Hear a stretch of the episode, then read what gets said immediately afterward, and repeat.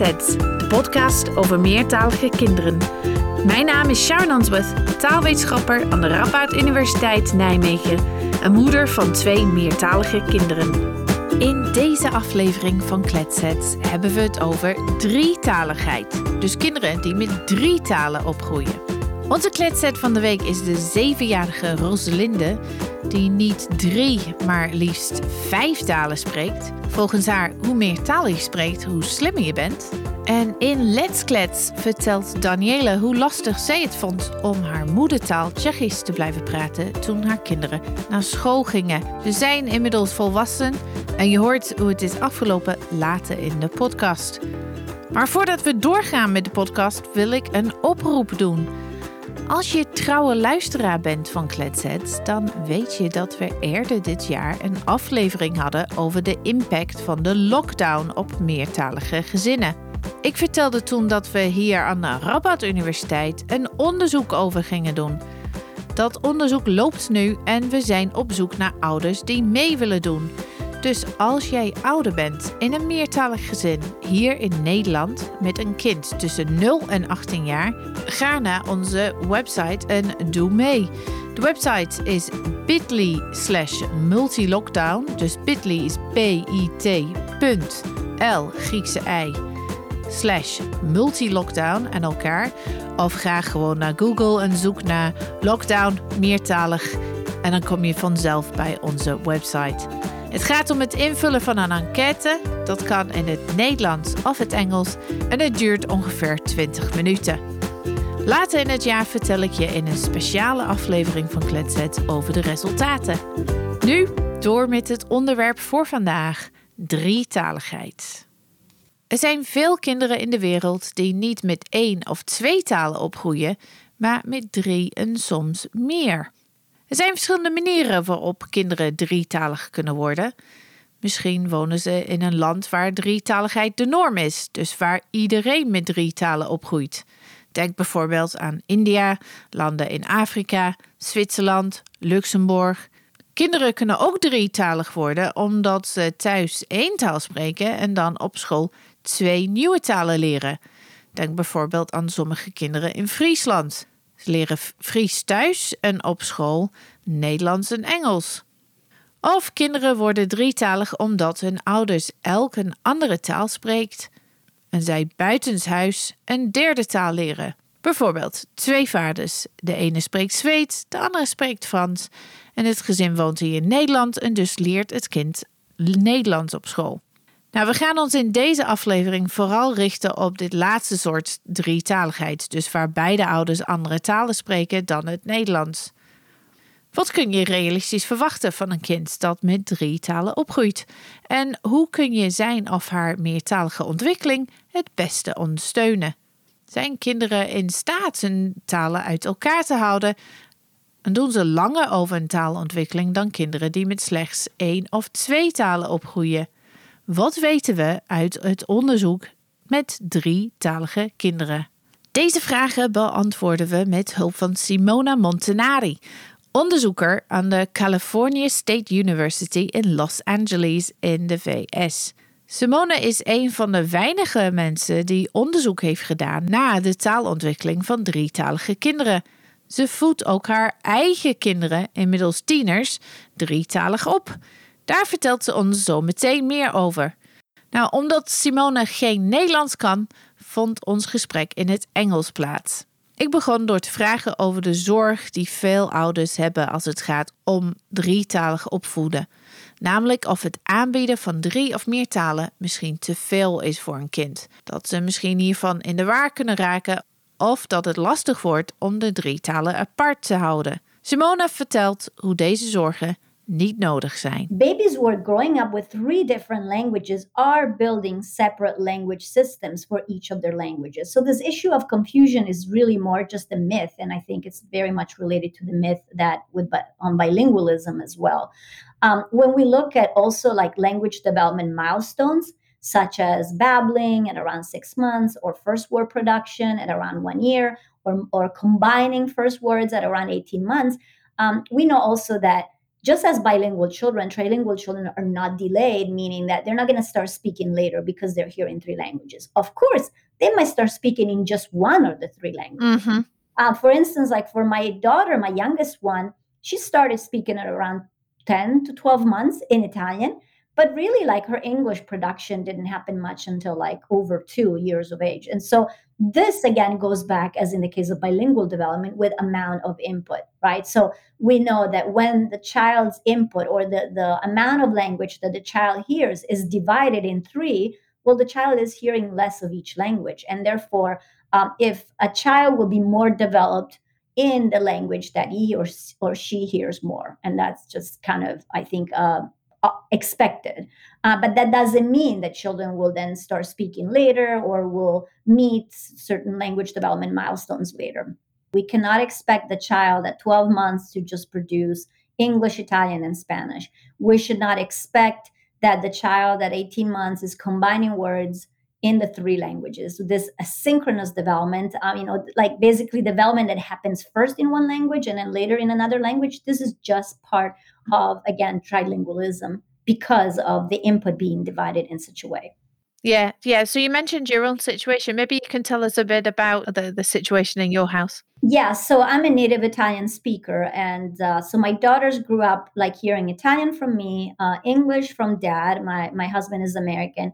And we had a nanny that we hired for up to 40 hours a week in Spanish from when they were born we actually planned our first four or five years of life around Italian and Spanish because we thought this is, and I, I, will talk about this, but it's very important to really put a lot of input in these minority languages early on because we knew that the children would learn English living in the US anyway. Mm-hmm. And so basically, uh, my daughters heard a lot of Spanish and a lot of Italian. Dad was working all day, so he was only there, you know, in the evening on weekends. And so I always, you know, early on, we always said English was our daughter's third language, the least developed. I still have videos of my my oldest at age five, and while she has really complex sentences in Italian and then Spanish in the middle and English like very basic, you know, like I have a fever, I want to go there, kind of like that. And so by doing this, though, the children developed. I mean, they, they have like native Italian accent, near native Spanish, and then English was very accented, very somewhat uh, you know, if you want to call it, I want to say delayed, but it wasn't like like the English of monolingual speaking children at age mm-hmm. five. Um, they enter the school system as as English learners, which is a label in the US given to students who come from homes where another language is spoken. Some of the parents were kind of laughing and saying, Wow, I can't believe that these are the daughters of Robert, my husband, because you know he's American, but the children really spoke. I don't want the these, you know, with the with the real Italian accent in their English. Sure enough, by 15 and 16, they like their English is completely native and they're doing really well academically in English. So obviously it just like it's a process that takes time but what we learn is that the children can learn the societal language because they live here and you know all their experiences are in english uh, but if we hadn't put that emphasis on italian and spanish early on most likely especially given the american context they might not have even be speaking italian or spanish Right. That's amazing, right? If you think about that, that their accents were were so strong in English, then that that presumably is now completely disappeared. If parents are listening and are, and are, have got young children, are thinking, mm, I'm not sure that the kids are quite where they need to be right now, then they should keep hope. Another question that parents often ask, and that's what about when there's more than three languages, right? Because there are families where there are four languages in the mix. When is it too much, right? That's a question that I get a lot. What would you advise about that? Yeah, it's a really tricky question. Again, there's like no research on children growing up with four, five, six languages. I think the uh, in general, because we know that input is so important, and we want to make sure that the child has at least a certain level of language development to support cognitive development. If the child was hearing five or six languages and had only a few words in each, he might not have enough to really like be able to i guess be i mean you want the child to be at least in one language at a level where other children would be even if monolingual or bilingual etc so i would kind of discourage from exposing the child to speakers of five or six languages from birth because I would feel that then the child would not build, build a foundation in any of these languages. And so I would say, I mean, try to focus maybe on three at most and then you can later on when the child is somewhat proficient in one language at least introduce other languages later on. There is not much research on that. This is just kind of my thinking. But what we know is that we want at least one language in which the child feels enough you know able to communicate because what happens if you have a child who knows words in six different languages but it still hasn't able to put them together to communicate. I don't think we want to create that scenario either. And so um, maybe if there are four languages in the family in the situation, you could still do something where you can make sure that at least in one language, the, the child is hearing a little bit more of one language to make at least, you know, to give the foundation in that one. Yeah, so it's not impossible, but it requires some thought to think about what what the languages are going to look like for the child, right? Which language are they going to be able to function in at an appropriate level? Dus kinderen zijn prima in staat om drie of meer talen te leren en deze apart te houden. Hoe snel ze deze talen leren hangt deels af van hoeveel contact ze hebben met deze talen. Taalaanbod of input is zeker belangrijk. Maar het is goed om te beseffen dat het niet alles is. Anders zouden we nooit meertalige kinderen hebben die twee, drie en soms meer talen kunnen spreken. Een recent onderzoek van Caroline Mieskowska en collega's is hier relevant. Zij hebben gekeken naar Pools sprekende kinderen in Engeland. De kinderen waren vijf jaar oud. Sommige kinderen spraken Pools thuis en Engels op school. Ze waren dus tweetalig. Andere kinderen spraken naast Pools ook een andere taal thuis. Zij waren dus drietalig. Wat bleek? Ondanks het feit dat de drietalige kinderen thuis minder Pools hoorden dan de tweetalige kinderen, waren hun scores op een woordenschattoets vergelijkbaar. De tweetalige kinderen herkenden ook evenveel woorden als eentalige kinderen. Dus kinderen in Polen die alleen met het Pools opgroeiden, maar hun actieve woordenschat, dus hoeveel woorden ze zelf konden zeggen, was lager dan die van de eentaligen. De drietalige kinderen hadden lagere scores dan de eentalige kinderen, zowel wat betreft woorden herkennen als woorden zelf zeggen. Wat betreft de schooltaal zag het plaatje er anders uit. Want in het Engels waren er helemaal geen verschillen tussen alle drie de groepen. Dus zowel de drietaligen als de tweetaligen scoorden even hoog als de eentaligen. Dit komt dus overeen met wat Simona vertelde. Namelijk dat het een goed idee kan zijn om in de vroege jaren te concentreren op de taal of talen die juist niet op school worden gesproken. Zoals jullie net hebben gehoord van Simone, al loopt het misschien niet altijd even soepel in het begin, in de meeste gevallen komt het goed met de schooltaal. Meer dan drie talen kan wel, maar het is een goed idee om ervoor te zorgen dat er in ieder geval één taal is waar het kind iets meer hoort. Een kind drie- of viertalig opvoeden kost dus enige tijd en moeite en het is een goed idee om regelmatig na te denken over wat er nodig is om de meertaligheid van je kind te ondersteunen. Family Language Planning heet dit. Wil je meer hierover horen? Luister dan naar aflevering 9 van afgelopen seizoen van Kletsets.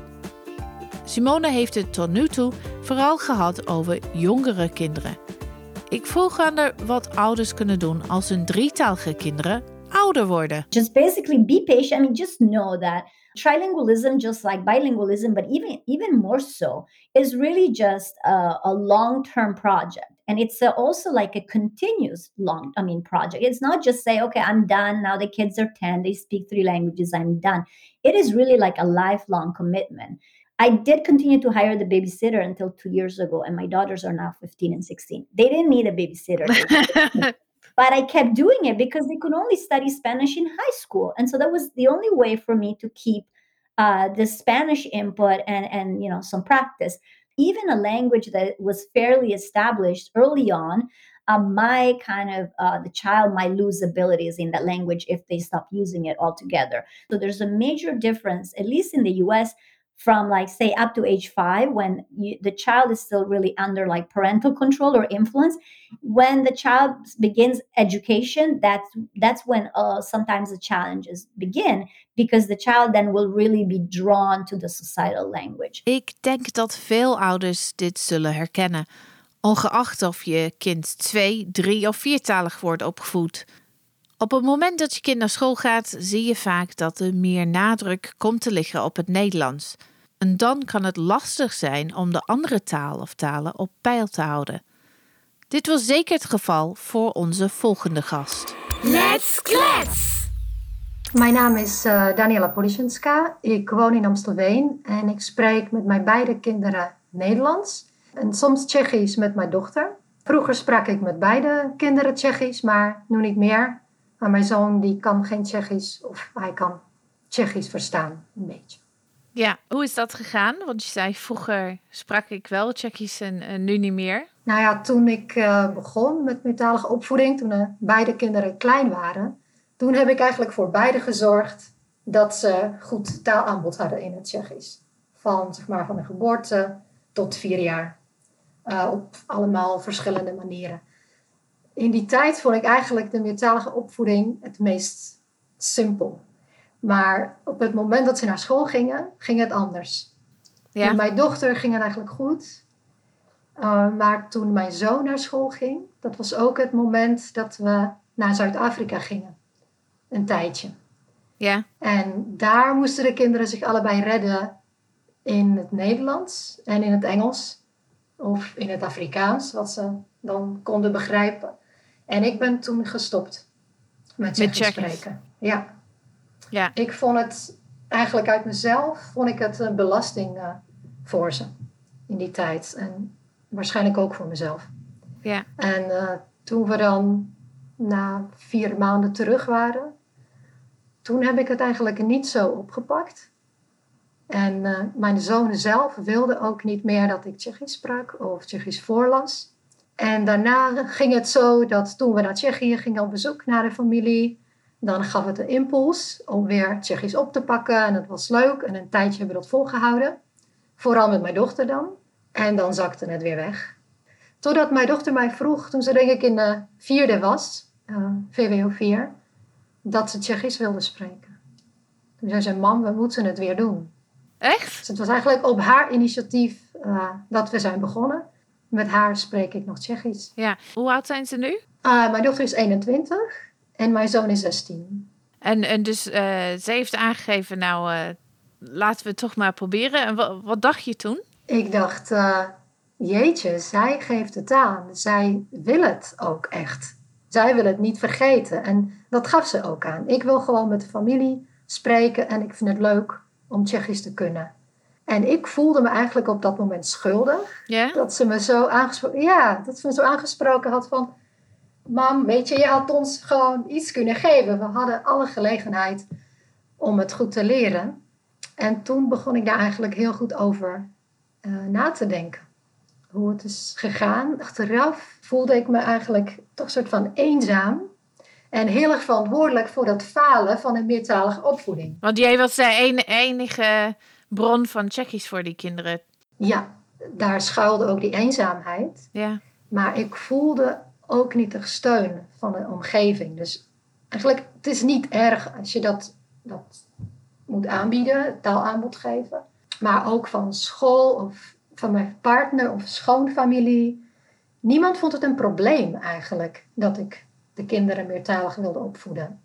Maar niemand zei ook van, ja, het is leuk, laten we je helpen. En ook mijn partner die, die liet het gewoon aan mij over. Denk je dat het anders was geweest als het een andere taal was dan Tsjechisch? Daar denk ik nu ook veel over na. Ja, dat speelde zeker een rol, denk ik. En uh, vooral op school. En ik merkte het ook op de plekken waar ik werkte. Dus sommige talen, ja, leuk, meertalig. En andere talen, ja, waarom eigenlijk? En dat voelde ik denk ik ook. Dus de druk eigenlijk van de, van de, buiten, van, van de buitenwereld, van de kinderen, moeten het eigenlijk goed kunnen doen in het Nederlands. En op een bepaalde manier heb ik ze toch wel tweetalig kunnen opvoeden. omdat ze allebei naar een uh, tweetalig ateneum zijn gegaan. Dus ze kunnen allebei goed Engels. Ja. In die zin ben ik eigenlijk meegegaan ook uh, met wat de samenleving wil. Ja, en als je de tijd terug kan draaien, zou je het nu anders doen? Ja, ik denk het wel. Ik zou vooral meer steun zoeken. Want ik heb me gerealiseerd, er spelen zoveel meer factoren een rol in een meertalige opvoeding Ja. dan alleen ik Ja. als moeder. Ja. De omgeving is echt eh, van een groot belang en hoe mensen daar tegenover staan. Ehm, dus ik zou waarschijnlijk meer aan de omgeving durven vertellen dat ik het heel belangrijk vind dat mijn kinderen Tsjechisch kunnen. En dat ze met de familie daar kunnen spreken. In ieder geval tegen mijn partner, tegen mijn schoonfamilie. En ook op school. En ik zou ook op school vragen: hoe kijken jullie dan tegenaan tegen meertalige opvoeding? Als het niet uh, een taal met een hoge status is. Het gesprek aangaan. Eigenlijk wel. Ja. ja. Ik heb me niet gerealiseerd, Sharon, dat het zoveel energie uh, kost. En echt voortdurend inzet om dat, uh, om dat te doen. Ja. Echt doorzetten. Ja. En toch zou ik het willen achteraf. Zou ik meer plan maken. Denk ik meer bewust toch. Ik dacht, het gaat natuurlijk. Dat is, uh, dat is vaak het gedachte. Hè? Dus uh, praat gewoon tegen kinderen en spik het gewoon maar op. En op zich klopt dat enigszins wel. Maar aan de andere kant, je moet wel een idee hebben van wat je wilt, wat, wat je kunt aanbieden, wat realistisch is voor jouw kind in de verschillende talen. Het is heel, heel nuttig, denk ik, om een plan te hebben. Of in ieder geval bewust daarmee om te gaan en het te be bespreekbaar te maken. Ja, zeker. Ja, je ja. moet zeker een plan hebben. En ik zou ook de ouders aanraden om een plan te maken of uh, deskundigen te raadplegen of uh, in ieder geval steun zoeken, actief steun zoeken in de omgeving. Ja, en ik vind eigenlijk ook jouw podcast, die had ik ook wel willen hebben. ja, het is, het is gewoon geweldig. Nou, zeker toen, toen het minder ging en mijn kinderen dus op de basisschool zaten. Ja. Ja, ik luister daarnaar. Het geeft mij eigenlijk nog steeds steun. Ja. Dat het nog kan, weet je. Dat er nog uh, kansen zijn. Dat het nooit te laat is om het op te pakken. Ja, nou leuk. Leuk om te horen. En waar ben je meest trots op dan? Nou, wat ik meest trots op ben, is in ieder geval dat mijn dochter wel uh, Tsjechisch kan. En dat ze naar de familie kan en dat ze zelfstandig is. Dus die kan ik gewoon uh, alleen sturen. En ik ben ook heel erg trots op dat mijn beide kinderen goed Engels kunnen. Want uh, mijn familie woont inmiddels in vier landen in Europa. En er zijn allemaal meertalige gezinnen in Frankrijk en in Engeland. En die kinderen die daar zijn, die zijn ook meertalig. Drietalig of tweetalig en ook deels Tsjechisch. Dus dat is interessant. Ik, uh, maar ze communiceren Engels uh, met elkaar. Grappig. Ja. Ja, En denk je dat een meertalige opvoeden geholpen heeft bij het leren van het Engels, een derde taal? absoluut. Hoe zag je dat? Uh, mijn dochter bijvoorbeeld, toen we dus naar Kaapstad gingen, ze was eigenlijk niet bang. Ze, ja, ik, ze was al meertalig, dus Tsjechisch-Nederlands. Ja. Ja, ze heeft het eigenlijk snel opgepikt. Ik moet zeggen, voordat we gingen heb ik uh, gezorgd voor lessen in het Engels. Ja. Dat ze een beetje de taal zou horen. Maar het was voor haar de normaalste zaak van de wereld dat ze eigenlijk nog, nog een taal zou leren. Daarna wou ze dus ook naar dat tweetalige ateneum. Ik, ik denk vooral dat ze die angst niet, uh, Ja. niet hebben. Allebei niet, eigenlijk. ja. En uh, hoe ziet de toekomst uit, denk je, voor jouw kinderen en hun meertaligheid? Nou, ik denk dat uh, vooral, vooral positief. uh, wat ik wel merk aan hen is, het is niet per se talig, maar dat ze eigenlijk vrij makkelijk andere bril op kunnen zetten en situatie vanuit diverse perspectieven zien. Ja? Ik denk dat de meertaligheid daarbij helpt. Ja, want ik merk inderdaad dat ze niet, uh, weet je, zo'n kokervisie hebben. Dat Ja. ze eigenlijk begrijpen dat iemand anders dat ook anders kan zien. Ja. Kan natuurlijk ook persoonlijkheid zijn, maar Ja. Ja, het is moeilijk hè, om te weten Ja. waar, waar het aan ligt. Heb je een eh, gouden tip voor andere ouders? Ik kan me voorstellen dat er ouderen zijn die luisteren en die denken... oh, dat is heel herkenbaar. Mijn kinderen zijn nu naar de basisschool gegaan. Het gaat niet makkelijk. Ik ben de enige bron van die taal. Wat zou je die ouders aan willen raden? Nou, ik zou vooral zeggen, vanuit mijn ervaring, geef niet op als het moeilijk wordt, want je kan heel makkelijk in die eentaligheid inglijden. En bereid jezelf goed voor, voor de reacties van de omgeving. Dus eigenlijk informeer jezelf goed. Ja, wat ik ook net zei op school. Hoe gaat de school met meertalige opvoeding? En zeg ook wat je, wat je graag wil. Dat, dat het eigenlijk belangrijk voor is. Dus wat we ook eerder zeiden, het gesprek uh, aangaan. Ja. Met de omgeving. Ja. En daar is soms echt moed voor nodig om dat te doen. Dat zeg ik ook uh, uit ervaring. Ja, dat kan ik me voorstellen. En ik denk dat als, als luisteraars horen dat jouw dochter ineens als tiener aangaf van... mam, ik wil gewoon Tsjechisch met je praten. Dat geeft ook hoop, denk ik, voor veel ouders. Van, misschien gaat het nu niet zo makkelijk, maar het kan gewoon anders worden. Ja, precies. Nou, dat heb ik gezien inderdaad in mijn eigen opvoeding. Het gaat in golven. En ik heb eigenlijk nog steeds goede hoop dat mijn zoon dat ook wil. Want hij zegt niet meer, oh, ik wil niet Tsjechisch leren. Hij zegt, ik zou het heel graag willen leren. Ik mis het nu dat ik niet met de familie kan spreken. Maar ik heb daar geen tijd voor, want het kost zoveel moeite. Het is een moeilijke taal, vindt hij. Maar hij heeft de druk met de middelbare school. Maar ik zie daar wel opening, wie weet. Weet je wat heel grappig is? Hij kan nog goed de klanken. Ja? Dus die het taalaanbod waar ik voor zorgde, dus van die 0, tot 4 jaar, hij heeft, uh, hij heeft geen moeite met uitspraak. Leuk. Ja, dat is heel mooi. Ja. Dus het heeft wel iets gedaan. Ja. Nou, mooi. Dankjewel voor dit gesprek. Graag gedaan. Let's klets! Soms loopt het meertalige opvoeden dus niet helemaal zoals je het zou willen. En dat kan om allerlei redenen zijn. Daniela vertelde dat zij het lastig vond omdat ze zich alleen voelde en weinig steun had vanuit haar omgeving. En dat al de druk op haar lag om het meertalige opvoeden te laten lukken.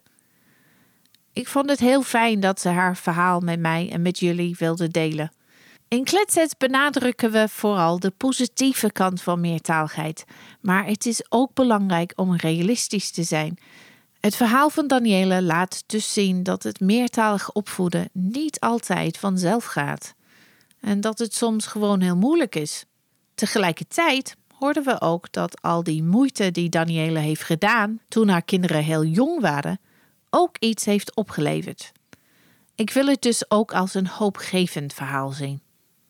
We gaan nu terug naar mijn gesprek met Simona, Vaak hoor ik van ouders dat kinderen niet even goed zijn in hun drie talen. Vaak is een van de drie veel beter dan de andere twee, of een van de drie veel zwakker dan de andere twee. Ik vroeg aan Simona of dit onvermijdelijk was. So I think the issue of dominance is pretty inevitable. I, I doubt that there is a child that can be equally balanced in three languages. I mean, maybe early on, if uh, parents are good at crafting an environment where the child is really hearing like the same amount of each language. But once there's education, unless again there's a type of education where the child is hearing three languages, uh, but you know i doubt in general i think that the unbalance or being stronger in one language and weaker in other uh, in others i think that's like yeah inevitable. But it's also typical. I think that you know realistically it is okay that my daughter's spanish is not you know like the spanish of a mexican you know speaker. And even when we look at situations where there is societal trilingualism we look at luxembourg we look at like you said many places in india asia um, I don't think those speakers are expected to do everything equally in the three languages because right. these languages are used in different contexts, right? So there's one language for education, one language for business, one language for for like the home, or you know. So that is totally totally appropriate. So we know for bilinguals, and we've spoken about that on the podcast uh, before, that uh, bilingual children, because they learn the languages in two different, often in different contexts, or they use them for different things, talk to different people, then they know different words. Presumably, that is going to be the same uh, trilinguals, of course. But I know that you've done work on, you know, when children figure out when they do have what we call translational equivalents, right? So they know the word in in both two languages or in three languages. Can you maybe tell us a bit more uh, about that? Yeah, so this was part of my dissertation, and we actually tracked all the words that the ch- this child who was hearing Tagalog from mom, Spanish from dad and grandma, and English from her sister who was nine years older.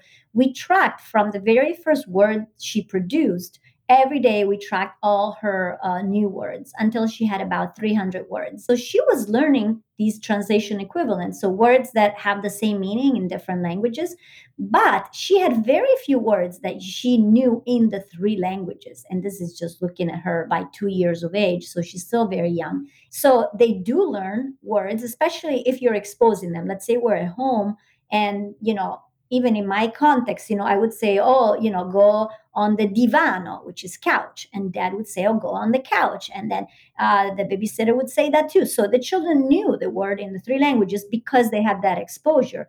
But um, of course, there are also situations where children do not have exposure to all those three words. I mean, to all those three words. And so they will know some words in one language, they will know some words in another language. They might mix languages as they talk to you because sometimes they don't know one word in one language and they will borrow from the other. This is all typical. The research that I did early on for my dissertation is on a young child, is looking at the emergence of separate word order patterns, separate vocabularies, and that happens for sure.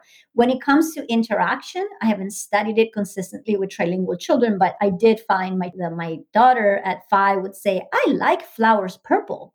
So she was basically applying the word order of Italian to English. My youngest had some of these funny constructions like, I like to go to the birthday of Nico right? When we know in English it's Nico's birthday. She had these at least until six and six, seven years of age. In a minute, we'll come to uh, ways in which trilingualism might be different from bilingualism, right? Because we've talked a lot about the ways in which actually the same factors are at play in, uh, in trilingualism as are at play in bilingualism.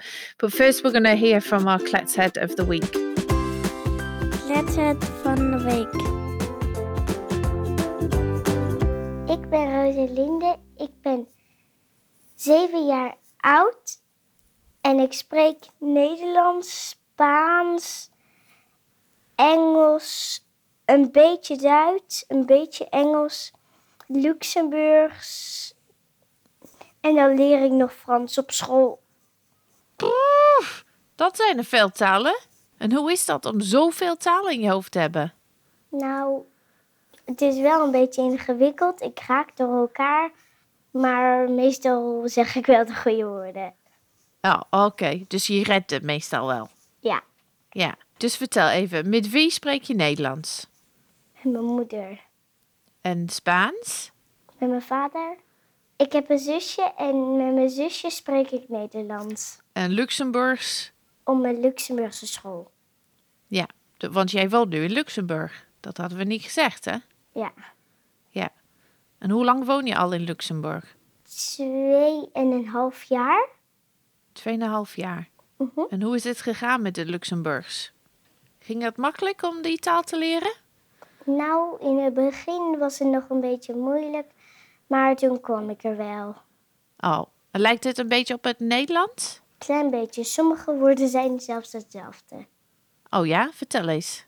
Welke woorden zijn hetzelfde? Mm, dat ben ik al vergeten. Dat ben je al vergeten. Ik, ik kan geen één woord Luxemburgs. Dus ga ik je zo meteen vragen om mij iets te leren. Maar eerst wil ik weten, welke taal vind je het leukst? Nederlands en Luxemburgs, want die zijn er makkelijk. Aha. Stel dat jij een mama bent als je ouder bent. Hm? Welke van al die talen ga je spreken met jouw kinderen? Dan zou ik Nederlands en Spaans en Luxemburg. Aha. Dat ze die talen, talen ook kunnen leren als hun op een Luxemburgse of een, of een andere school zitten. Ja. Aha. Heb je vrienden op school die ook andere talen spreken? Ja. Ja? Vertel eens. Eentje spreekt Portugees, Luxemburgs en Engels.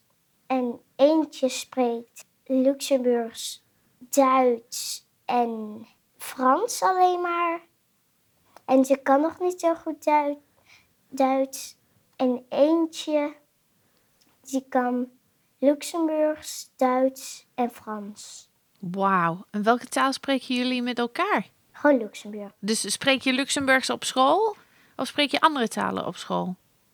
Luxemburg op school en Duits op school. En Duits. Dus je hebt mij net verteld, voordat we, voordat we gingen opnemen, dat jij nu leert lezen in het Duits. Klopt dat? Ja. Ja? En hoe gaat dat? En ik leer ook nog rekenen. Ook in het Duits. Mhm. Aha. Wat vind je daarvan? Zoveel talen? Leuk en Leuk. moeilijk. Leuk en moeilijk. En vertel eens even, wat is daar leuk aan? Leuk is dat ik zoveel talen spreek en dat ik hele sommige woorden maar vergeet. Aha. Dus je leert nu lezen in het Duits. Kun je ook lezen in het Nederlands? Ook.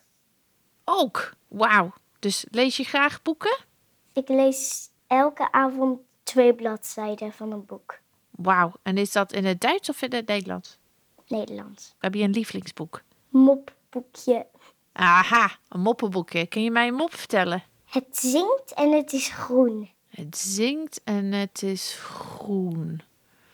Hmm, een zingende kikker? Sla la la la la. Oh, zingen. In, wel- in welke taal droom je? Alle talen. Alle talen.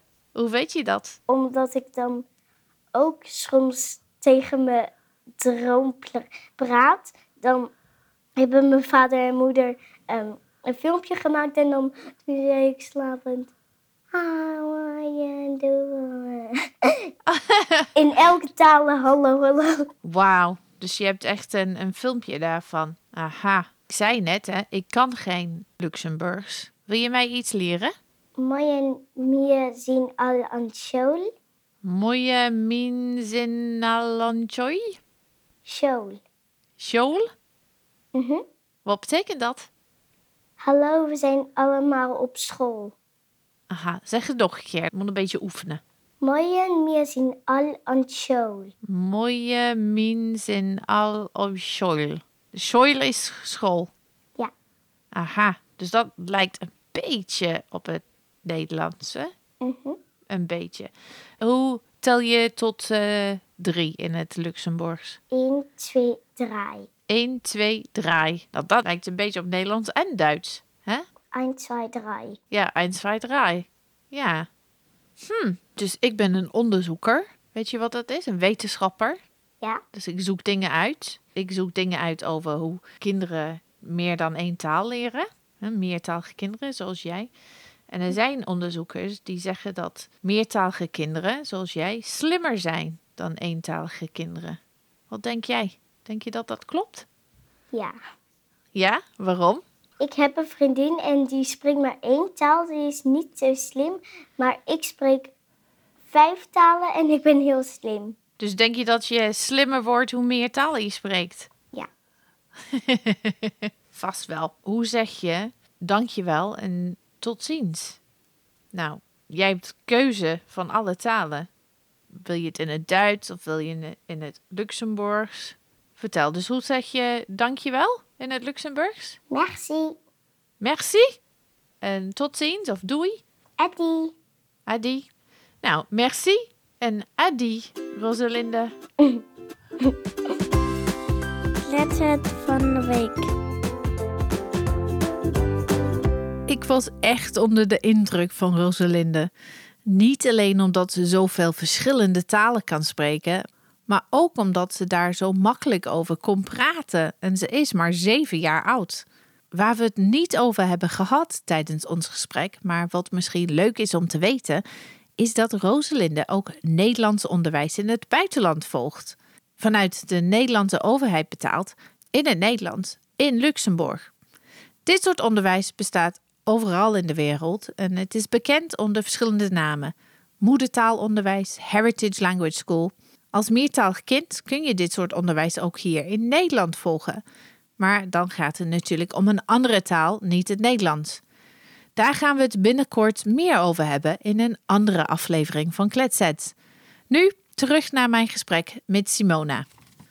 Tot nu toe hebben we gehoord dat er veel overeenkomsten zijn tussen drietalige kinderen en tweetalige kinderen.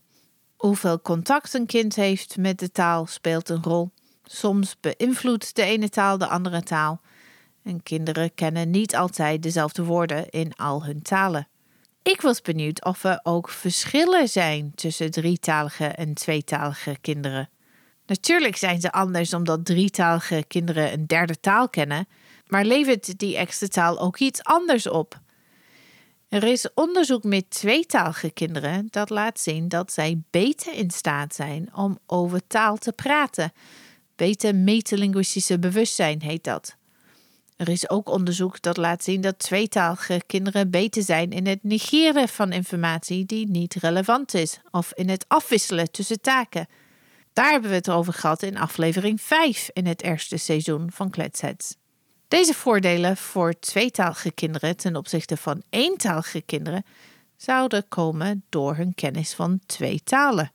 Ik vroeg mij dus af of drietalige kinderen meer voordeel te pakken hebben doordat zij drie talen spreken. Uh, so I'm not super familiar with this research, but in general, we know that, for instance, multilingualism promotes this metalinguistic awareness. So my assumption is that if bilingualism promotes this metalinguistic awareness, then trilingualism should promote it even more so because now instead of comparing two systems, you're comparing three systems. I feel that like knowing three systems, three language systems definitely makes you even more so uh, paying attention or noticing these differences.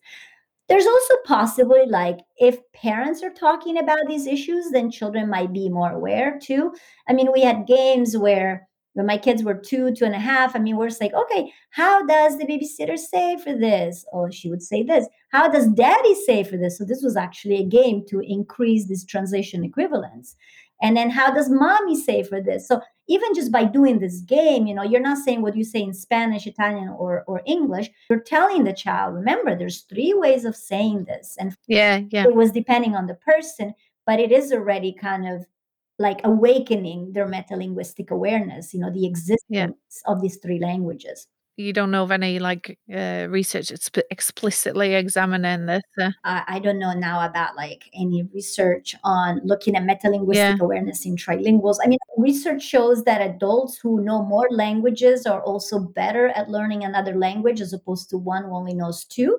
So i'm assuming you know it's a similar like it's it's a similar situation yeah, yeah. there right so yeah studying trilingual children is extremely complicated because you have mm-hmm. to collect data in three languages it's so time consuming and so there's really unfortunately there's very little uh, on what we know about trilingual children so what other advantages are there then to being trilingual? Besides looking at these cognitive advantages, I think, I mean, just the practical socio emotional benefits. I mean, I'm a strong believer that when children know the parent's language, especially in cases where parents might speak different languages, um, it's very important for the child to know those languages to really connect with the parent to build a stronger uh, bond with the parent i mean even if the parent speaks the societal language and the child speaks the societal language but for the child to know the parent's minority language is really connecting with that parent's heritage and understanding all about where that that parent comes from. And so I think socio-emotionally it's very important that children develop these three languages. And then there's the practical benefits that will open uh, opportunities, employment opportunities. Learning different languages also really opens, I think, uh, perspectives mm-hmm. or like can promote more of an understanding of like seeing the world in different ways. I grew up monolingual and in a small town. Actually, I'm from San Marino, so even uh, really like small country. and we really kind of all thought the same and thought that anything that was a little different was was weird etc i see my children growing up with all of these different languages different people different ideas different ways of doing things and they're very very open. They're very tolerant to different things. Just really the benefits of being able to talk more to different people mm-hmm. and have being able you know to have all these different perspectives. Yeah. And um, one of the questions that i often get asked by parents uh, who are uh, raising children trilingually is that what do they do when they speak different languages from each other?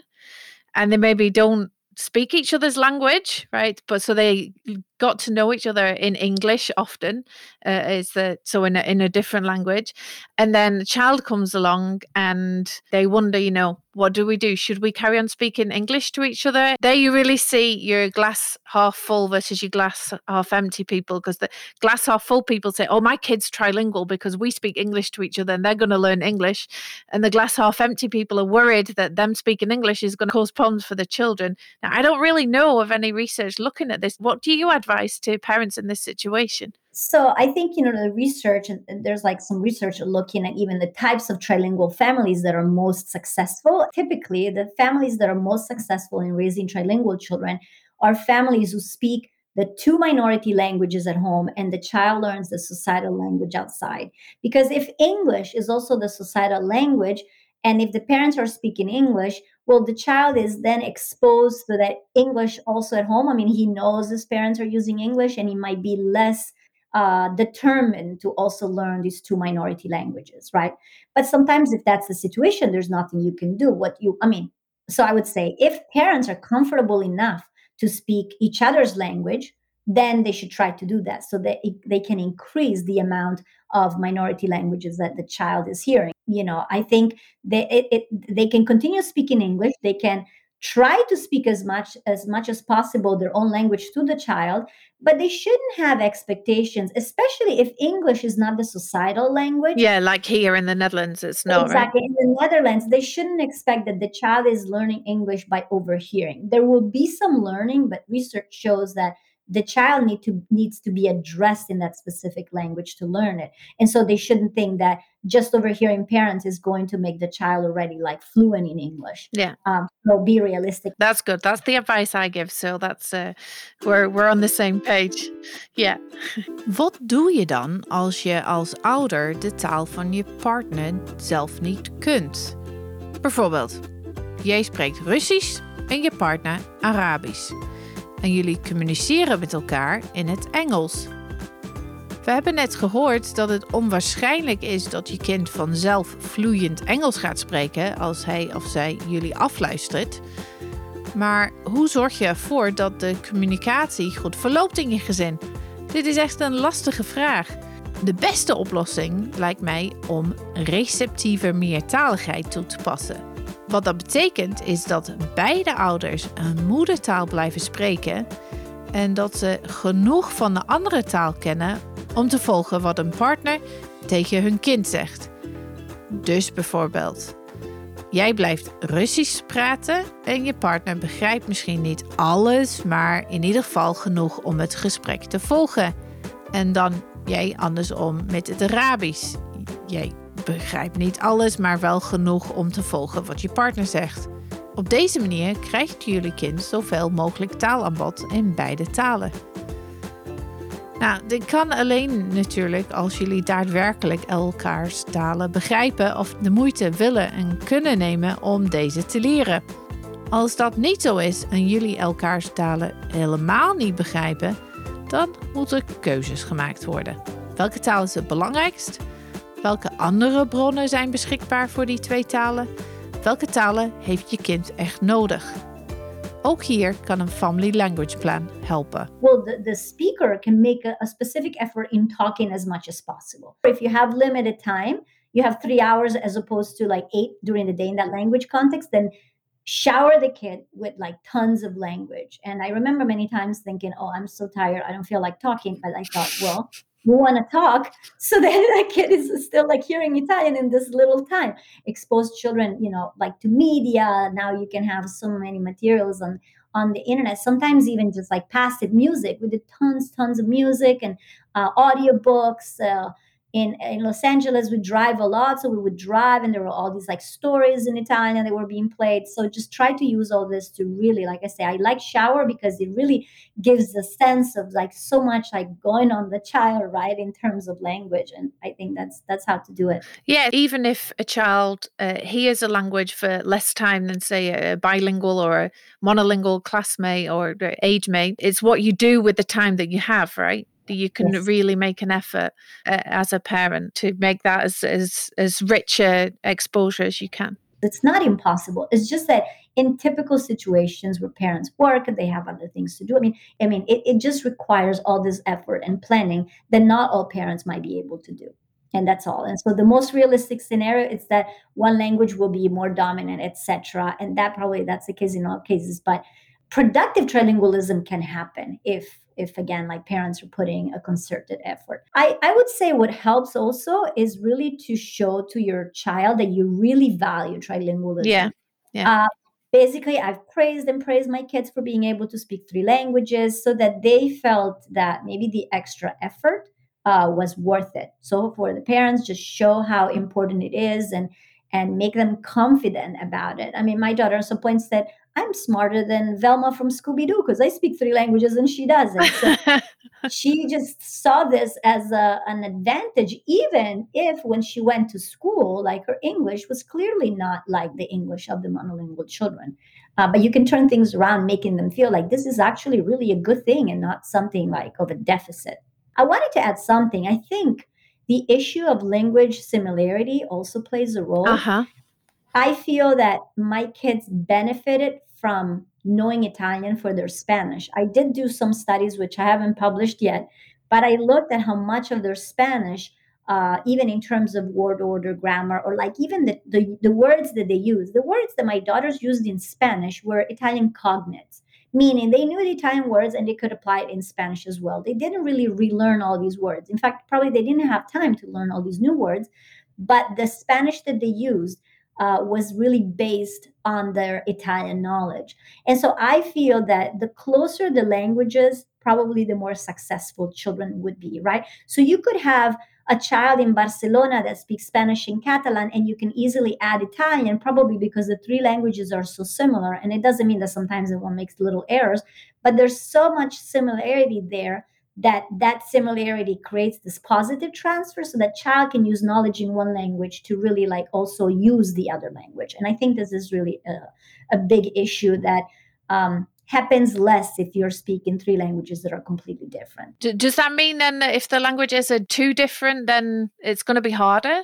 Uh, I mean, I, I don't know for sure, but I have a feeling that it is again because if you're learning two languages, three languages that are completely different, then there's less of that positive transfer, right? There's less on that kind of leaning on whatever you know to produce in the other. As I said, my daughters often use Italian, I mean, words that were similar between Italian and Spanish because they knew them from Italian, or even they were improvising, right? Trying to say something in Spanish based on their Italian knowledge, which was still okay and understandable. Now, if you're dealing between, let's say, Mandarin and Italian, it's going to be hard to use your Italian knowledge to produce in Mandarin. So I think that language similarity there will uh, like promote in a way like active. What I mean, active trilingualism. Of course, the child can still become productive in three languages that are very different that, but that would require even more i feel even more of that input even more effort Yeah. Okay. So, again, language similarity, a very interesting topic, but I think we'll have to save that for uh, another episode. Thank you, Simona, for sharing your experiences and your, what you've learned from the research with us. thank you for having me Wat hebben we geleerd in deze aflevering over drietaligheid? Het leren van drie talen als kind kan prima. Het is niet verwarrend en kinderen zijn prima in staat om de talen te onderscheiden. Hoe snel kinderen de drie talen oppakken hangt deels af van hoeveel contact ze hebben met de verschillende talen en hoeveel kansen ze krijgen om deze talen te gebruiken.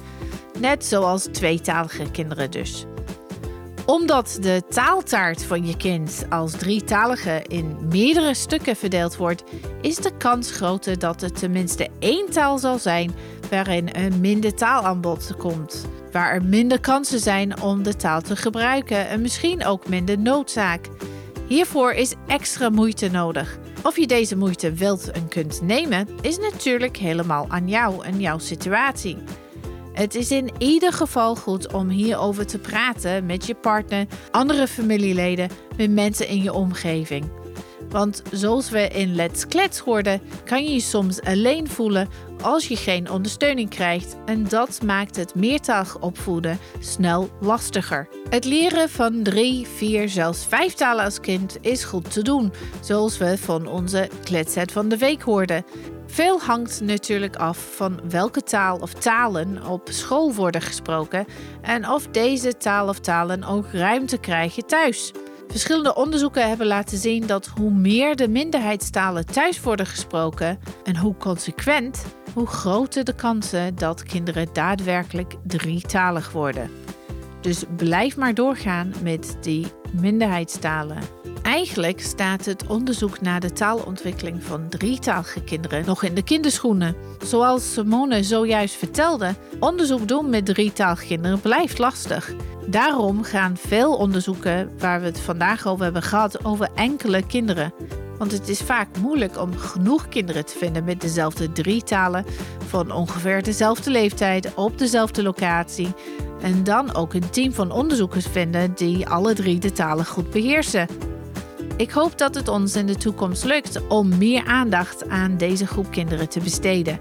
Want ik denk dat er nog veel meer te ontdekken valt. Wil je meer weten over Kletset? Ga dan naar www.kletsetpodcast.nl. Daar vind je ook meer informatie over deze aflevering. Wil je geen aflevering missen? Abonneer je dan op Kletsets via je favoriete podcast app. Bedankt voor het luisteren en graag tot de volgende keer.